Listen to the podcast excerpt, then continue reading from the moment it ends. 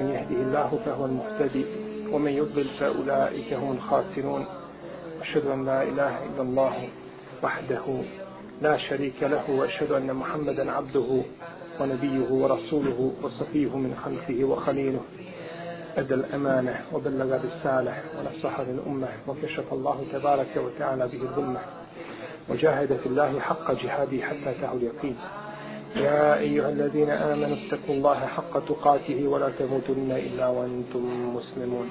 يا أيها الناس اتقوا ربكم الذي خلقكم من نفس واحدة وخلق منها زوجها وبث منهما رجالا كثيرا ونساء واتقوا الله الذي تساءلون به والأرحام. إن الله كان عليكم رقيبا.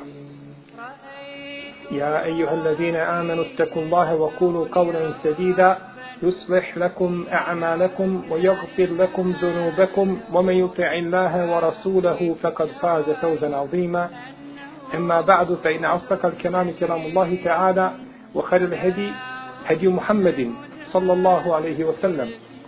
وشر الأمور محدثاتها وكل محدثة بدعة وكل بدعة ضلالة وكل ضلالة في النار. أما بعد. Bileži imam Al-Bezar u svome musnedu i imam Edina Wari u svome djelu Muđale sa, sa dobrim lancem prenosilaca. Da je poslanik sallallahu alaihi wa sallam rekao od stvari koje će čovjeka spašavati na sudnjem danu jeste el adlu fil gadabi wa rida. Pravda u ljutnji, u sržbi i u zadovoljstvu od stvari koje će čovjeka spasiti na sudnjem danu jeste pravda. Ali pravda u kom obliku je ovdje spomenuta? Pravda u srđbi i pravda u zadovoljstvu. Možemo shvatiti da je čovjek pravedan u zadovoljstvu i većina ljudi biva pravedna u zadovoljstvu, no međutim neće biti pravedan u srđbi osim čovjek kome je uzvišeni Allah te barake o teala srce ispunio nurom imana. I kaže poslanik sallallahu alejhi ve selleme u hadisu koga bilježi ima Muslim u svome sahihu El muksitune inda rabbihim ili kaže ovako lil muksitine inda rabbihim yawm al qiyameti menabire min nur. Pravednici koji su pravedni imaće kod Allaha Đelešanu na sudnjem danu mimbera od svjetlosti.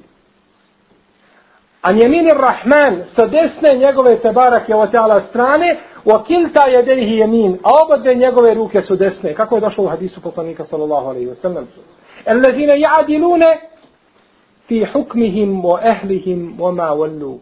Oni koji su pravedni u svojim sudovima, kada sude, i koji su pravedni prema svojim porodicama, i koji su pravedni prema onima koji su im počinjeni. Kaže šehol Islam ibn Taymiye, rahimahullahu ta'ala, Inna Allahe yuqimu ad-dawlata al-adila wa in kanat kafira. Allah je zapisao pravednoj zemlji u kojoj se sprovodi pravda. Zapisao je takvoj zemlji budućnost i opstanak taman da je nevjernička. ولا يقيم الدولة الظالمة وإن كانت مؤمنة a neće poživjeti zemlju i narod, jedno društvo, koje je nepravedno taman bilo mu'minsko. Zamijenit će Allah sa drugima. Jer je uzvišen je Allah sebi zabranio nepravdu i učinio je nepravdu zabranjenom među svojim robovima. Spominje šehol Islam ibn Kesir u svome dijelu Bidaje on Nihaje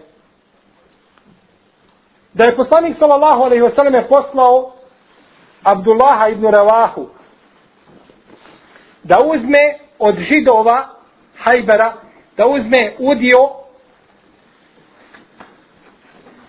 iz voćnjaka i žitarica shodno dogovoru koga su napravili nakon oslobođenja Hajbera. Pa kada je došao Abdullah ibn Ravaha, pokušali su da ga podmite. Pa je rekao, Wallahi inni nađitukum min ehabbi nasi ileje min indi Rasulillah kaže ja sam vam došao od meni od meni najdraže groba od poslanika sallallahu alaihi wa wa innakum la abghadu halki Allahi ilayya a vi ste meni najmrža stvorenja koja imaju na zemlji wa ma jahmiluni hubbi ijahu wa bugdi lekum illa a'dile fikum ali me neće navesti ljubav prema njemu i mržnja prema vama da budem nepravedan u pogledu vas. Kada su to židovi čuli, kažu bihaza kameti samavatu wal ard. Kaže, na osnovu ovoga opstoje nebesa i zemlje. Na osnovu ove pravde koju si sada spomenuo, opstoje nebesa i zemlja. Draga moja braćo i cijenjene sestre, pravda je velika stvar. Pravda je velika stvar. I kada pogledamo u kuransko-hadijske tekstove, naći ćemo da se o pravdi puno govori u pozitivnom smislu. A da se u negativnom smislu govori o nepravdi i nepravednicima.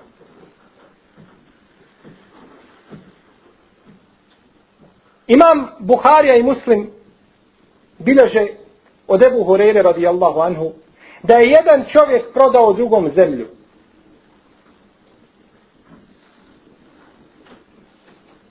Pa je ovaj što je kupio, kopajući zemlju, našao sanduk zlata. Pa je otišao s tim sandukom zlata i dao ga ome čovjeku što je kupio od njega zemlju. Kaže, ja kupi od tebe zemlju, a ne kupi od tebe zlato. Kaže ovaj, tako mi Allaha, ja sam tebi, kaže, prodao i zemlju i ono što je u zemlji. Pa su se porječkali. Spor. Ne mogu ga riješiti nego kod kadije. Kod kadije kome će zlato pripasti? Pa je kadija rekao, Allah mu dao basiret. Kaže, imate li vi djece? Kaže ovaj, imam ja dječaka. Kaže ovaj drugi, imam ja curicu. Kaže, neka se ožene i dajte im to neka žive. Ovo je pravda kojoj nas uči islam. I kada je u muslimanskom društvu kada je bio iman na stepenu koga traži uzvišeni Allah od svojih robova pravda se je sprovodila i navodi se da bi čovjek se sporio sa svojim komšijom po određenom pitanju i pođe komšija da ga tuži kod kadije i pozove ga hajmo kaže skupa kod kadije kaže idi ti sam i iznesi svoje i moje argumente, pa šta kadija presudi, neka tako bude. Pa bi došao ovaj i kaže, tužim svoga komšija. Kaže, šta su argumenti, to i to. A kaže, gdje ti je komšija, gdje je druga strana, kaže, ja sam opunomoćen od njegove strane. Ja njega zastupam. Pa bi iznio i njegove argumente, a on najbolje poznaje slabost svojih argumenta, pa bi kad ja presudio u ime komšije. Kaže, ja sam zadovoljen presudom pravda. A najveća pravda, najveći oblik pravde bila kada čovjek na zlo dobrim uzvrati. To je najveći oblik pravde. A to ne može nego čovjek koji očisti svoju dušu. Zato uzvišen je Allah tabarak je otala u Kur'anu se kune 11 puta. Pa kaže o šemsi o buhaha. والقمر إذا تلاها والنهار إذا جلاها والليل إذا يغشاها والسماء وما والسماء وما بناها والأرض وما طحاها والنفس وما سواها o nefsin o ma se uaha. Jedanest puta da mi na kraju rekao, kad eflaha men zekjaha, uspio je ko svoju dušu očisti. Ali se prije toga kune jedanest puta na stvari koja je vezana za dušu. Pa je čišćenje čovjekove duše velika stvar. I najgora stvar u koju čovjek može upasti jeste da daje svojoj duši slobode više nego što smije imati. Pa da zbog nje voli i da zbog nje mrzi. Da se zbog nje sveti i da zbog nje radi i tako dalje. Ko to sebi dozvoli, takav je u startu propao. koliko je samo bratski veza prekinuto.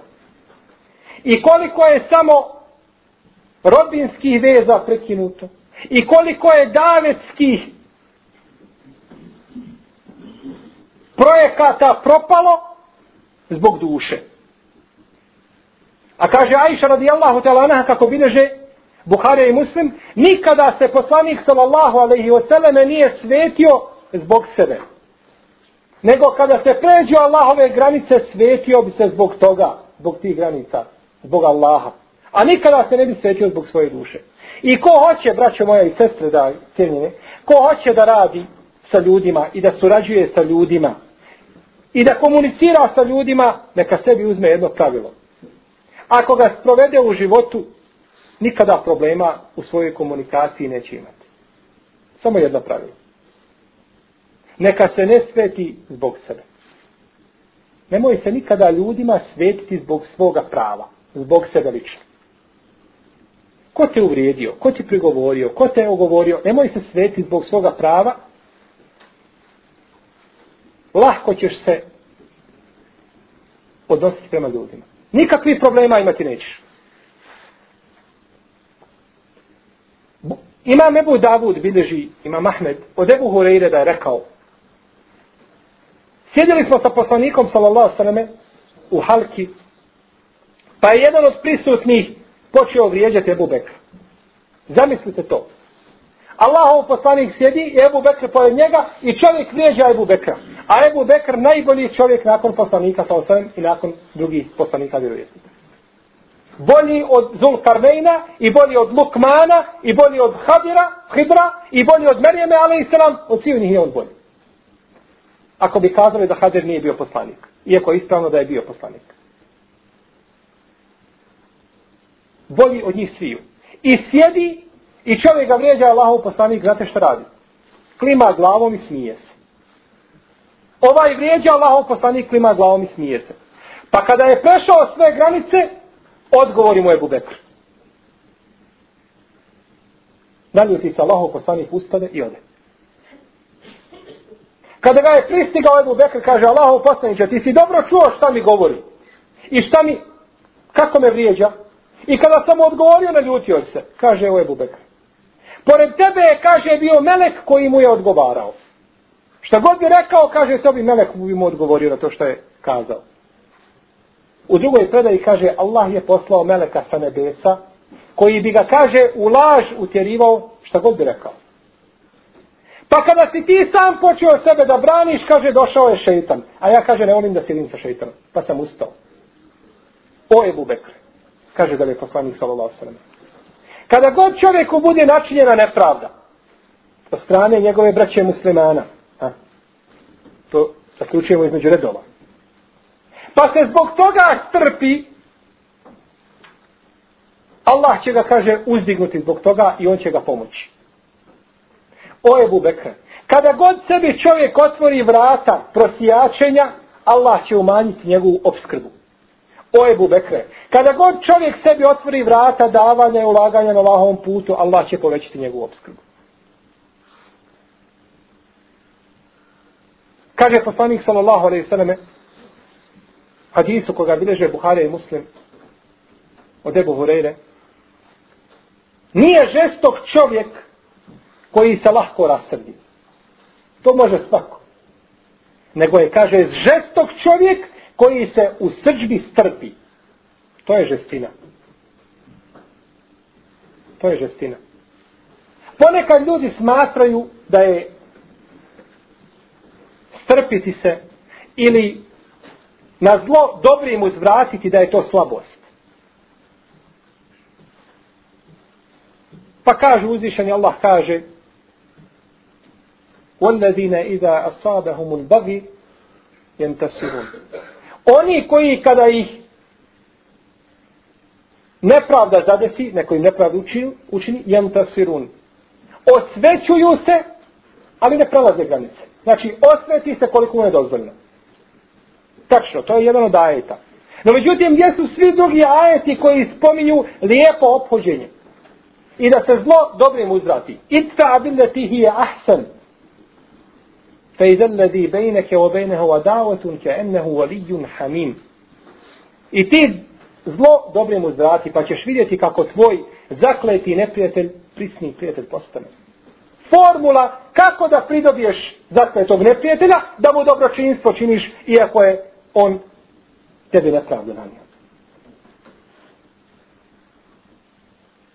Spomenut ću vam nekoliko primjera da vidimo kako to izgleda zlo na zlo dobrim uzvratiti. Nećemo spominjati primjere iz sire poslanika sallallahu alaihi wasallam jer odmah nam svima dolazi na um pa to je bio Allahov poslanik pa njemu je oprošteno i prije i ranije od propusta što je pročinio pa došao je Džibril pa mu dva puta prsa rasporio pa srca njegovo isprao pa šetenski dio iz srca uzeo gdje smo mi od svega toga ne možemo mi tako spomenut ćemo primjere iz života učenjaka koji su bili ljudi kao i mi. S te strane. Nije uzvišeni Allah njihova prsa čistio kao što je čistio prsa poslanika sallallahu alaihi sallam. Spominje spominje imam Zahebi i drugi da je imam Ahmed a vi znate ko je bio imam Ahmed ibn Hanbel. da je bio zatvoren u vremenu kada je bila fitna ili a, kada se pojavio nered po pitanju stvaranja Kur'ana. Pa ga je izveo halifa da ga bičuje.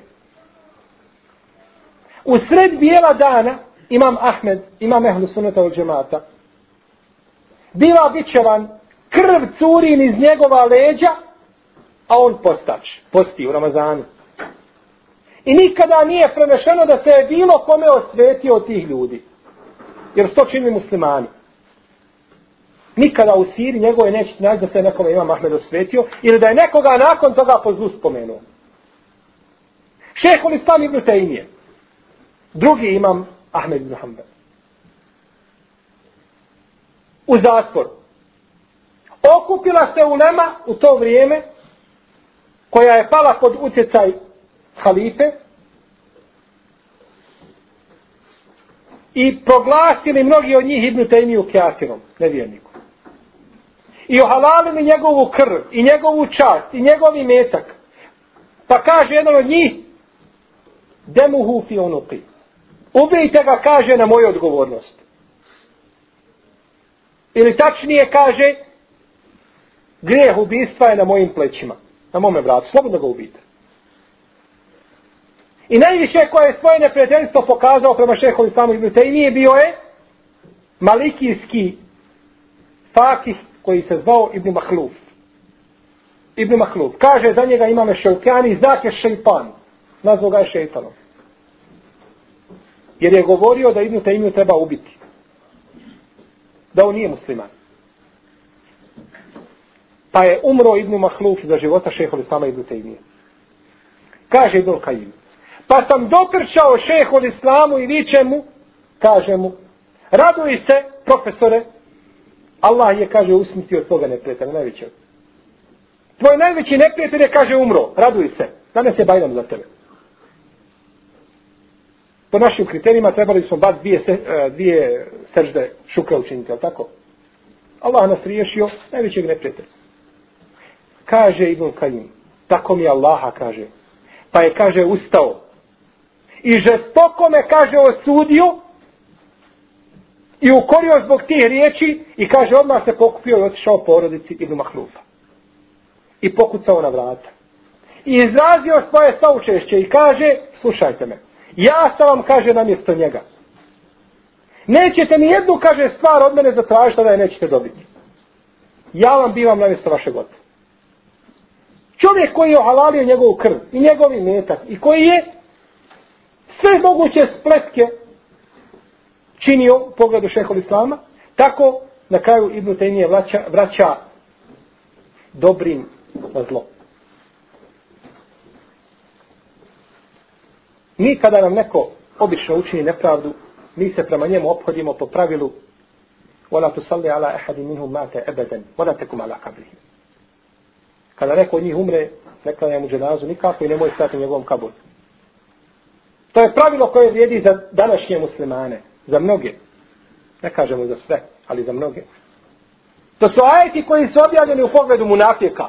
Za muslimane vrijedi ruhamau bejnehum. Da su samilosni među sobom. Tako su opisani ashabi poslanika sallallahu alaihi sallam. Iako je Abdullah ibn Bej ibn Selul govorio protiv poslanika sallallahu sallam kada je umro Allahu poslaniku je pravio dženazu. I umotao ga u svoje džube, u svoju košulju ga umotao. Pa se Omer protivio.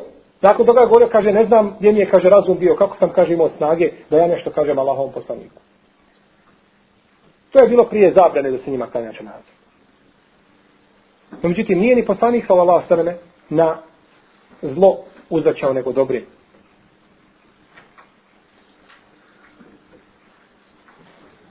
Jedan od ljudi koji su, jedan od onih koji su radili protiv šeha Islama Ibn Taymije, vjerovatno kada je vidio svoju grešku, došao je kod njega u zatvor. Pa mu se počeo izvinjavati. Kaže, nisam ja tako mislio, nisam to i to htio. Pa mu je rekao šeha sam, kaže, ja sam svima oprostio. Ja sam svima vama oprostio.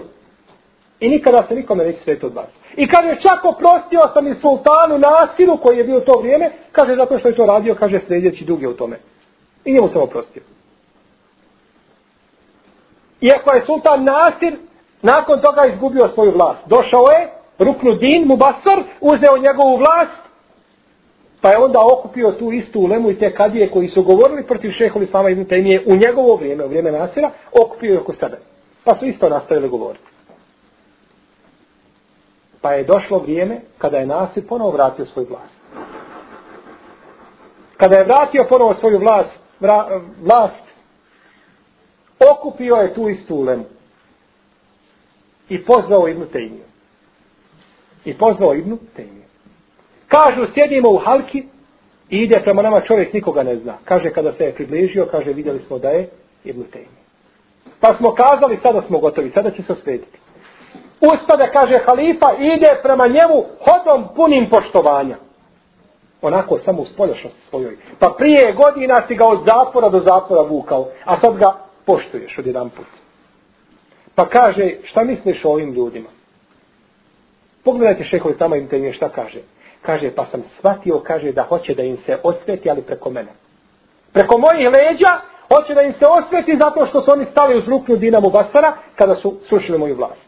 No međutim nije se lahko osvetiti u lemi, jer će se tada dignuti ljudi, nego treba nečija riječ koja ima težinu, pa da se može njima osvetiti. Kaže, pa sam mu rekao, kaže, to su ljudi bez kojih ne može biti ni tvoja država, ni tvoja vlast. To su, kaže, kadije, to su takihi, to je ulema. Bez njih ne može biti tvoja država. Kaže, pa je iz toga džepa izvadio napismeno, njihovim rukama pisano, manuskript na koji su pisali, kako treba Ibn Taymi ubiti, kako ga treba protjerati, kako ga treba zatvoriti, kaže šta sada veliš? Kaže ja sam pred njima davno oprostio svima. Pa nije imao mogućnosti načina da im se osveti, pa su ti isti ljudi dolazili kod šehovi sama Ibn Taymi i sjedili u halkama i učili za njih. I učili za njih. Jedne prilike ga je skupina Novotara odvela van Kaira. I izodala ga. Pa su došli ljudi, se digli u to vrijeme, ljudi su voljeli u lemu. Pa su se digli ljudi hoće, kažu, samo nam reci gdje su i ko su. I to je završeno. Kaže, slušajte. Ili je, kaže, ovo pravo Allahovo, ili je moje, ili je vaše. Ako je, kaže, Allahovo pravo, onda će im Allah suditi. Allah će obračunavati. A kaže, ako je moje pravo, ja sam im oprostio. A ako je vaše pravo, onda kaže, morate mene pitati. Moram ja petvu izdati. A ako me nećete pitati, kaže, radite šta hoćete, ja sam od toga čist kako kaže poslanik sallallahu alejhi ve selleme "Wa in imrun shatamaka aw ayyaraka bima ya'lamu fika fala tu'ayyirhu bima ta'lamu fihi." U hadisu koga bileži imam Nesai i imam Ahmed i Tirmizi od Džabira Ibn Sulejma. Kaže poslanik sallallahu alejhi ve ako tebe neko bude vrijeđao ili te bude sramotio zbog mahane koju zna da je pri tebi, nemoj ti, kaže njega, vrijeđati ni sramotiti zbog mahane koju znaš da je pri njemu. Ovo se riječi poslanika sa alejhi Nemoj, mu, nemoj svojoj duši udovoljavati. Nemoj svojoj duši udovoljavati. U hadisu koga bilježi imam Nesai i imam, ah, imam Ibn Mađe, od Ebu Lahvesa kaže, rekao je moj babo, El Ahves, rekao je poslaniku, sallallahu alaihi wa sallam, ja imam, kaže, Amidžića. Imam Amidžića, kome kada je potrebno dajem mu. A kada mi je potrebno ne da mi. Pa sam se zarekao da mu neću davati. Pa kaže poslanik sallallahu alaihi wasallam, iskupi svoju zakletvu i daj mu kada mu je potrebno. Na zlo dobri mu. Ibn Hubeira, veliki hambelijski pravnik, sjedio je jednoga dana u halki gdje su dolazili ljudi da slušaju predavanja. Ljudi iz četiri mezheba su dolazili da slušaju kod njega predavanja. Pa je spomenuo jednoga dana jedno fiksko pitanje koje je vezano striktno za mezheb imama Ahmeda. Niko drugi tako nešto nije rekao, samo imam Ahmed to zastupa. Pa je rekao jedan malikijski pravnik, zove se Ebu Muhammed El-Shiri. Kaže, to isto kaže imam Malik. Kaže, nije, ovo je mišljenje samo imama Ahmeda. Kaže, ne, to je rekao imam Malik. Pa je donio knjige Ibn Huberi u kojima stoji da je to mišljenje samo imama Ahmeda, nije drugi. I svi se prisutni složili da je to mišljenje imama Ahmeda, da nije niko drugi rekao. Kaže Ebu Muhammed Al-Shiri, ne, ne, to je mišljenje imama Malik. Pa mu je rekao Eh, Ibn Hubejre kaže, ebehimetu ment, kaže, jesi li ti hajvan? Jer razumiješ ti šta tebi govorim? Ja ti kažem da je to miše imama Ahmeda, a ti kažeš da je to miše imama Malika. I svi prisutni kažu da je to miše imama Ahmeda. Pa se je rasulo sjelo i svako otišao kući svoje. Zamislite da vama neko ne predavanju kaže upre prstom u nekog od vas i nazove ga takvim imenom. Pa je sutradan druga halka i dolazi Ebu Mohamed i sjeda u halku kao da se ništa nije decilo. Jer je to znanje. A ne smije se dati pravo duši iza znanja i iznad dina. Pa su sjeli u halku. Pa je došao Ibn Hubeire pa kaže Ja sam rekao juče Ebu Mohamedu Leširiju, kaže riječ koju nisam nikako smio reći. Bez obzira na to, kažem, to nisam smio kazati. Sada tražim, kaže, prisutnima, kaže, da mi vrati istom mjerom. Da me nazove kao što sam ga nazvao. Kaže, ravija koji je prenosi, kaže, pa nije bilo čovjeka Alima u Halkija da nije zaplakao. Od tog prizora. Pa se počeo Ebu Mohamed Rešin izvinjavati. Ibn Uberi kaže, ti si moj šeh, ti si moj ustaz, moj profesor. I ja sam, kaže, pogriješio, nisi ti. Pa ga je jedva odgovorio od pritiska koga je činio na njega da mu vrati istom. Safija bintu Hujej, majka vjernika, imala je sluškinju, koja je otišla jednog dana Omeru i kazala mu, kaže, o vladaru pravovjernih, Safija voli subotu, ha, Safija ibn Hujej je bila židovkinja, pa je primila islam, pa je poslanik sa osamo ženio, voli subotu i kaže, obilazi puno židove. Znači, voli subotu, ostalo u njoj židovstva. Primjer sa židovstva je još uvijek u njoj ostalo. I to je najgora potvora koja može biti za majku vjernika. Pa je Omer pozvao. Ali nije žurio Omer, nego pozvao. Kaže, do mene je, kaže, doprlo tako i tako. Pa šta ti veliš o to? Kaže o vladaru pravovjerni. Što se tiče, kaže, subote, tako mi Allah, kaže, ne volim je kako je Allah meni to, kako mi je Allah zamenio petkom. Kako je došao petak, kaže, na volim više subote. A kaže što se tiče židova, pa kaže, ja među njima imam rodbinu. Allah mi je naredio da obilazim rodbinu i da spajam rodbinske veze, ne da ih kidam. Bez obzira, iako ta rodbina bila nevjernica. Pa je rekao, Omer, pa ti su prav. Idi. Pa je došla kući, pa je rekla, to je sluškinje, kaže, šta te je navelo da uradiš to što su radila? Kaže, šeitan. Šeitan me prevario, pa sam uradila. Kaže, idi, kaže, ti slobodan Allahom put. Oslobodila je zbog čega? Da ne bi udovoljila svoje duše. Jer možda ako ostavim kod sebe, možda će joj se svetiti dio po dio. zbog onoga što je uradila. Nego kaže, idi, kaže, ti slobodan. Omer ibn Abdul Aziz je imao slugu koji, ga je, koji mu je pod, podmetnuo otrov za hiljadu dinara. Kaže, zašto si to uradio? Kaže, zbog hiljade dinara koju su mi dali. Kaže, idi, kaže, ti si slobodan. Najmanje su ganjali hirove svojih duša. A najviše gledali Allahu te barake o tala pravo. Ibn Mes'ud jednoga dana je sjedio u halki. Pa mu je čovjek ukrao pare iz džepa. Pa kada su to saznali prisutni, počeli su ga proklinjati, vrijeđati. Svako na svoj način. Ibn Mes'ud šuti. On kome je novac ukraden, šuti. Kada su oni završili, kaže da ja nešto kažem. Kaže, Allahu dragi, ako je ukrao taj imetak što mu je trebao, bio mu neophodan taj imetak, kaže, učini mu bereket tome imetku. A ako ga je, kaže, ukrao, kaže, nije mu bio potreban, nego samo hoće da griješi, kaže, učini da mu to bude zadnji grijeh koga učini. Ibn Mesud je završio. Ali gdje su oni koji su vrijeđali od Ibn Mesuda, radi Allah,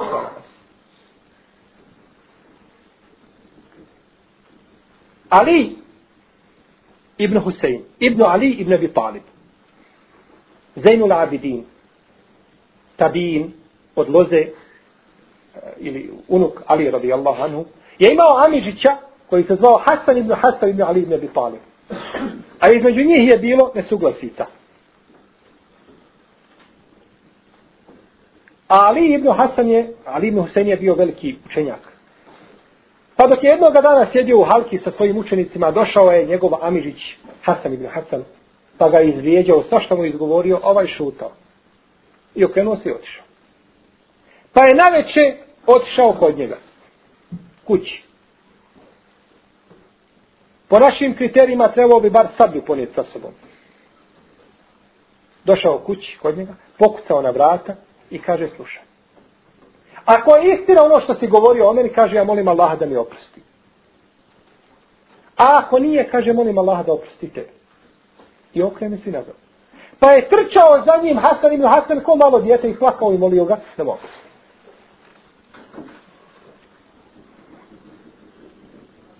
Jednoga dana došao je čovjek kod Ibnu Hubeire, koga smo malo prije spominjali, to je jedan veliki hambelijski pravnik, ima svoje djelo Elif Sah, u hambelijskom fiku.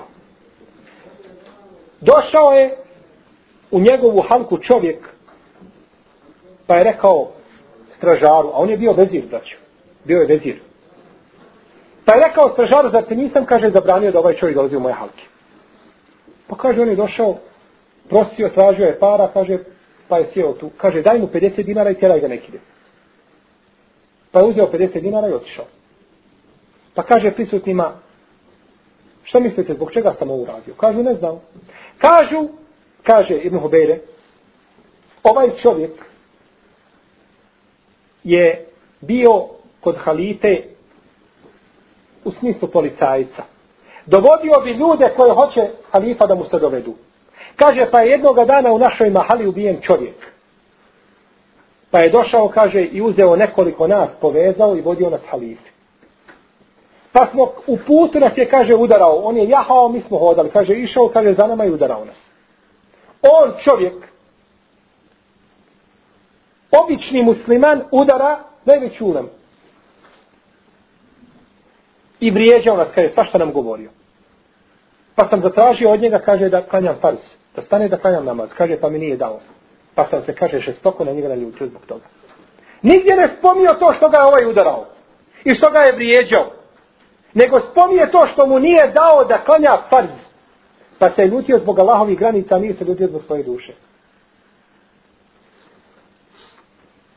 Kaže, pa sam zbog toga, kaže, ostao ljut na njega i ne volim da kaže vidjeti. Jer mi nije dao da klanja farz. Kaže, Nul Džauzi, sjedili smo jednoga dana u halki sa Ibnu Hubeirom. A on je čitao nam knjigu Elipsah. Pa je došao, kaže čovjek, došao jedan čovjek, vuče drugoga. I kaže, ova je ubio moga brata. Ova je ubio moga brata. Pa mu kaže Ibn Hobele, zašto si ga ubio? Kaže, posvađali smo se i ja ga ubio. Traži ovaj da osveti svoga brata. Kaže, hoćeš da ti prihvatiti krvarinu? Da ti ja platim krvarinu. 600 dinara. To je kudi kamo bilo veće od vrijednosti krvarine. Kaže, hoću, ako je 600 dinara, prihvatit ću krvarinu. Pa mu je dao 600 dinara. Idi, kaže. Pa je dao ome ubici 50 dinara, kaže, idi ti. Pa kada je otišao, pitaju ga, zbog čega ste uradio? Kaže, da vi ne znate da ja već 40 godina ne vidim na jedno oko. Kažu, ne znam. Kaže, ovaj čovjek jednog dana prolazio pred mene dok sam ja bio još učenik, mladić dok sam bio. Nosio sam, kaže, knjigu Fika pod pazuhom i išao, kaže, na predavanje. I sustigao me, kaže, ovaj čovjek i rekao, dao mu jednu posudu sa voćem da mu je nosi. Ponesi, kaže ovo. Kaže, nisam ja nosač. Traži se nosača, ja sam, kaže, učenik, ja idem na predavanje. To, kaže, nije moj posao. Pa me, kaže, udario po oku. I od tada, kaže, ne vidim na oko. Kaže, pa sam htio da pobjedim svoju dušu, da mu se ne svetim. A Ibnu Hubeire, braćo moje sestra, tada bio vezir. Ministar bio. Kaže, pa sam htio da pobjedim svoju dušu i da mu se ne svetim. Pa je platio za njega krvarinu i pustio ga.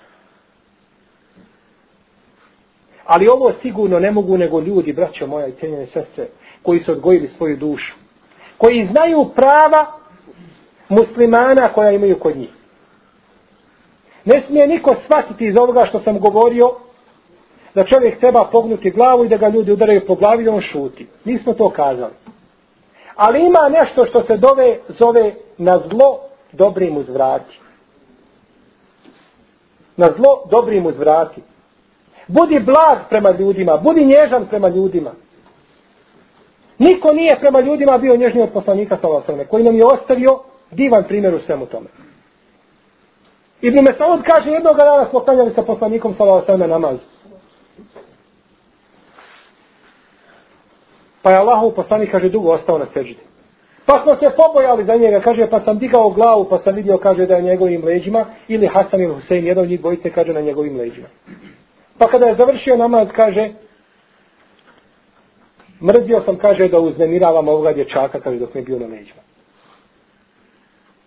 Šta mislite kada bi danas hođa u džami, na jednom od namaza, ostao dugo na seždi i dijete mu došlo sa njim i popelo se na leđima? Ili na mimbar, sišao sam mimbere i uzeo dijete, kao što je radio poslanik sa Ne bi se taj nikad imao više prilike popeti ni na mimbar i stati u mihra. To bi mu bilo zadnje. Zbog toga što ljudi gledaju vjeru emocijama. Pa tamo gdje trebaju da budu blagi, nisu blagi. Jedni među drugima, da Allah sačuva. A tamo gdje čovjek treba da bude čvrst i žestok i da brani Allahove granice, tamo ga nigdje nema na mapi. Pa kada se izvrnu ti kriteriji, onda biva rezultat stanje koga ima. Uzvišen je Allah te barake od tala, draga moje braće i cene sestre, uči da budemo blagi jedni prema drugima i da praštamo jedni drugima. Pa mi smo danas blagi prema onima prema kojima ne bi smjeli biti blagi. Svi mi danas trpimo nepravdu koju nam čine žuti i crveni. Ubijaju našu braću muslimane od istoka do zapada. Nema mjesta gdje musliman nije ponižen. I mi to svi trpimo. Pa zašto onda ne mogu trpiti nepravdu koju mi učinio ovaj brat musliman koji kaže la ilaha illallah Muhammedu Rasulullah. Ako trpimo onoga koji kaže da je Allah uzeo dijet.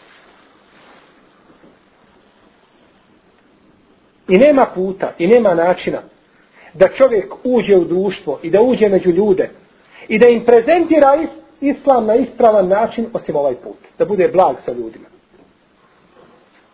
I kogod se drugačije bude ponašao u društvu, a svi smo mi daje i svi mi predstavljamo islam, taj neće predstaviti islam na ispravan način. Predstavit će ga na pogrešan način.